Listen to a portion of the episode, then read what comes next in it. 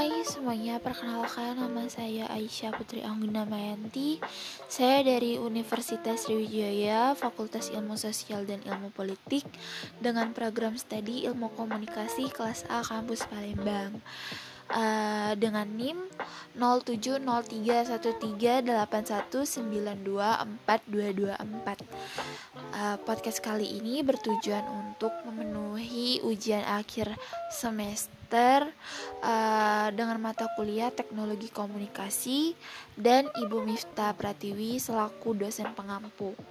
Langsung saja saya akan membahas mengenai dampak dari teknologi komunikasi. Dampak adalah suatu benturan atau pengaruh kuat yang mendatangkan sisi positif maupun sisi negatif. Teknologi membawa dampak yang menguntungkan dalam kehidupan manusia. Uh, pembahasan pertama itu mengenai teknologi saraf nilai. Teknologi juga syarat dengan nilai-nilai tertentu dan dapat mengganggu kemampuan manusia uh, yang mempengaruhi pada perkembangan peradaban manusia. Teknologi saraf nilai ini uh, ada beberapa uraian. Yang pertama itu setiap negara tidak kuasa menahan laju teknologi. Yang kedua, teknologi berkembang sangat cepat. Tentu saja ya teman-teman dari zaman uh, dulu sampai sekarang teknologi berkembang dengan sangat cepat. Yang ketiga, aktif atau pasif uh, dalam menerima teknologi. Ini tergantung dari individu. Apakah individu tersebut akan aktif dalam menerima uh, perkembangan teknologi atau malah jadi pasif. Uh, yang artinya uh, mereka tidak dapat mengikuti laju perkembangan dari teknologi itu sendiri. Yang keempat ada manusia tidak bisa menyalakan teknologi. Tentu saja ya teman-teman. Uh, siapa sih yang bisa nyalain teknologi? Yang kelima itu teknologi tidak dapat dibeli. Teknologi itu uh, nggak dapat dibeli ya meskipun itu seorang lembaga atau pe, apa pendengar membeli teknologi belum tentu bisa langsung menguasainya karena teknologi harus dikenal, kemudian dimiliki, dipraktekkan, dan harus digunakan sesuai dengan uh, kondisi masing-masing. Yang terakhir itu masyarakat maju karena teknologi kemajuan masyarakat pastinya karena adanya perkembangan teknologi komunikasi. Teknologi membentuk sebuah sistem yang maksudnya ketika rusak atau uh, ketika rusak nih satu unsur akan mempengaruhi teknologi secara keseluruhan. Contohnya hmm, seperti ketika satelit yang menghubungkan komunikasi rusak, maka banyak aspek-aspek yang terkena dampaknya. Uh, dampak negatif dari teknologi menurut A.B. Perk Parker pada tahun 1973 dalam bukunya berjudul Technological Change the Mass Media. Yang pertama itu terjadinya monopoli pada pengelolaan penyediaan dan pemanfaatan informasi. Teknologi komunikasi mempengaruhi struktur dasar dan proses pengambilan keputusan dalam masyarakat. Akibatnya akan ikut menentukan siapa yang dapat berkomunikasi dengan siapa uh, dan siapa yang memperoleh suatu informasi.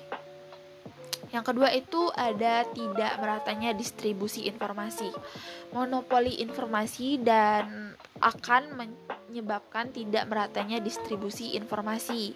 Penguasaan teknologi oleh swasta menyebabkan orientasi informasi lebih banyak uh, pada keuntungan bisnis. Jika demikian, maka distribusi informasi hanya mengalir pada mereka yang secara finansial mampu membeli teknologi. Yang ketiga, ada uh, kurangnya isi pesan yang edukatif.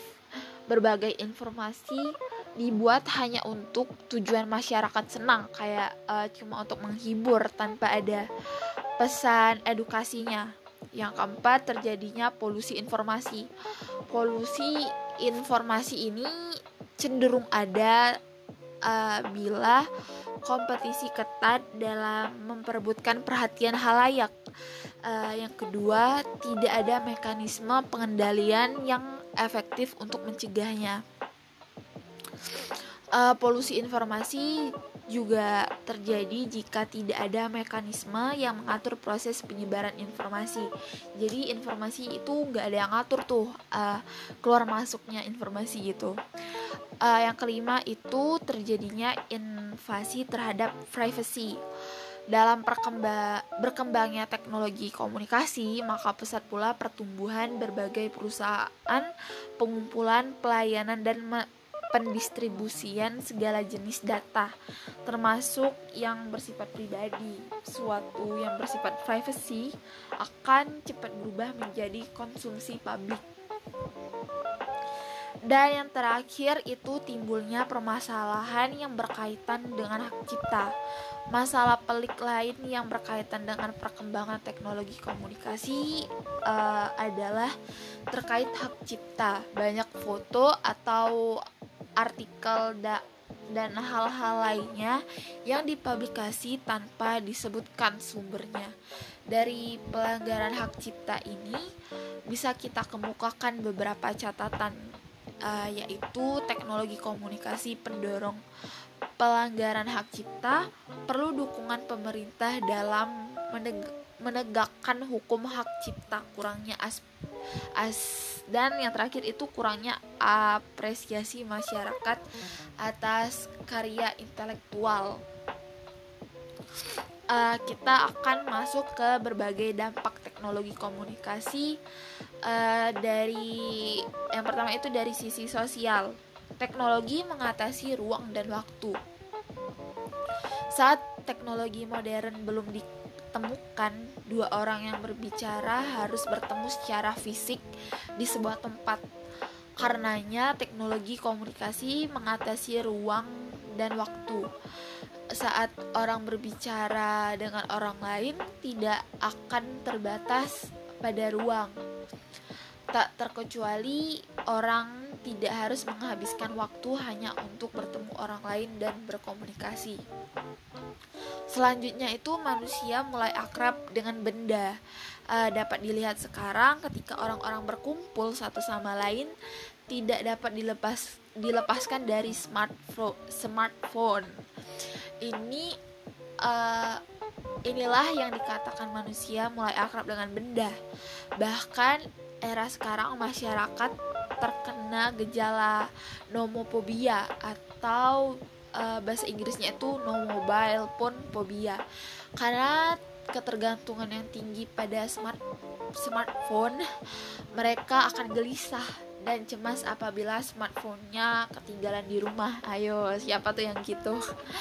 Gejala monophobia pada penelitian terhadap aktivitas mahasiswa itu pada buku Nuruddin 2016 yang berjudul Teknologi Komunikasi dan munculnya gejala gejala monofobia bisa ditarik kesimpulan bahwa uh, munculnya manusia teknologi menurunkan aspek kemanusiaan.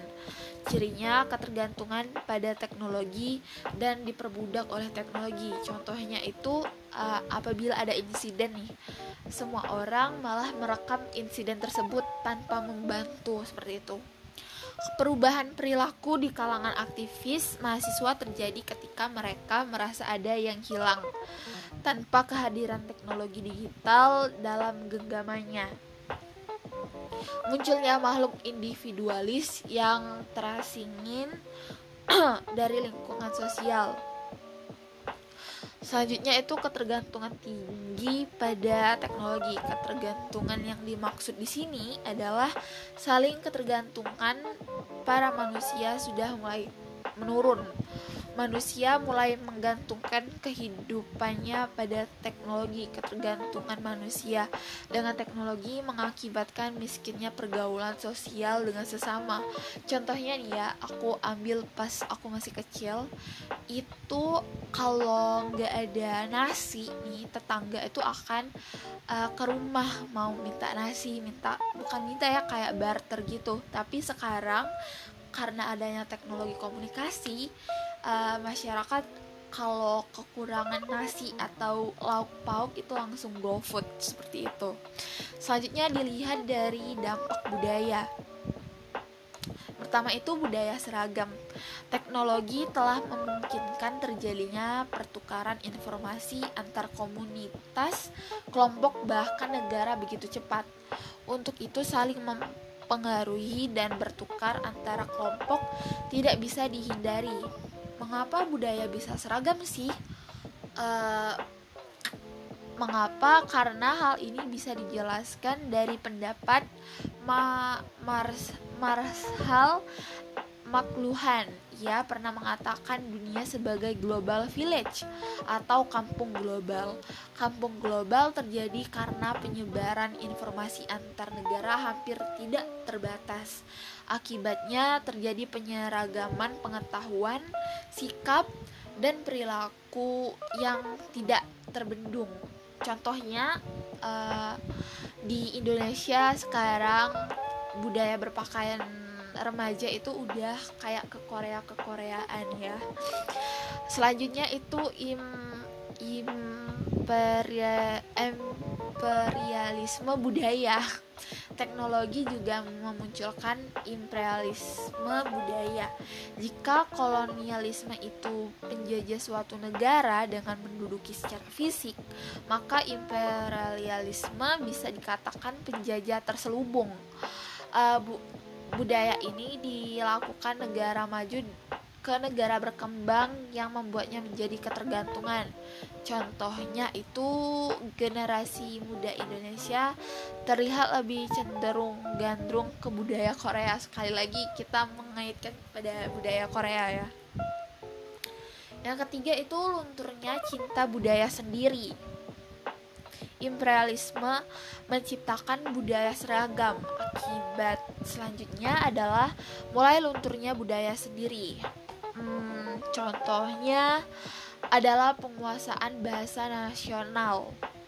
Banyak orang yang kadang tidak bangga memakai bahasa Indonesia. Seringkali mereka menyelipkan bahasa asing agar dianggap keren. Um, mungkin ini untuk beberapa orang ya. Kalau aku sendiri itu menggunakan bahasa internasional atau bahasa luar eh bahasa asing itu dikarenakan aku ingin belajar gitu. Bukan berarti aku tidak mencintai bahasa Indonesia ya. Uh, selanjutnya kita melihat dari dampak ekonomi. Yang pertama itu kapitalisme global. Kapitalisme global ini didukung dengan kecenderungan menyerahkan distribusi barang ke pasar. Artinya, fenomena munculnya kebebasan pasar dan pasarlah yang berperan dalam distribusi barang dan jasa.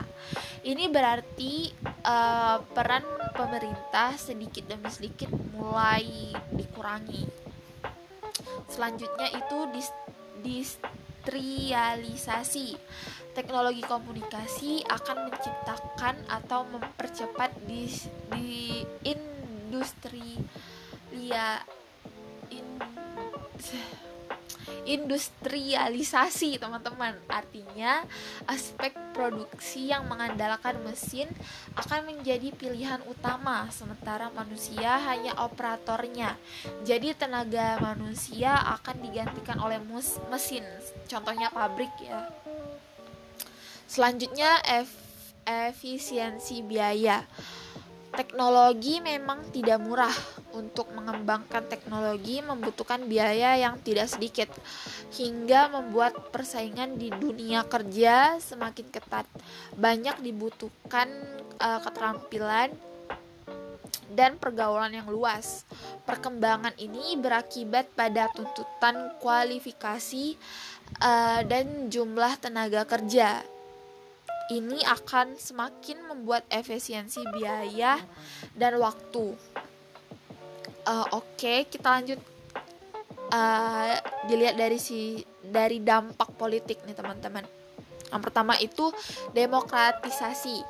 Teknologi komunikasi telah memberikan pengaruh pada warga negara untuk berpartisipasi secara lebih baik dalam uh, ranah pemerintahan Demokratisasi yang diakibatkan oleh teknologi komunikasi juga membuka mata banyak pihak di negara berkembang akan pentingnya partisipasi rakyat uh, dalam pemerintahan.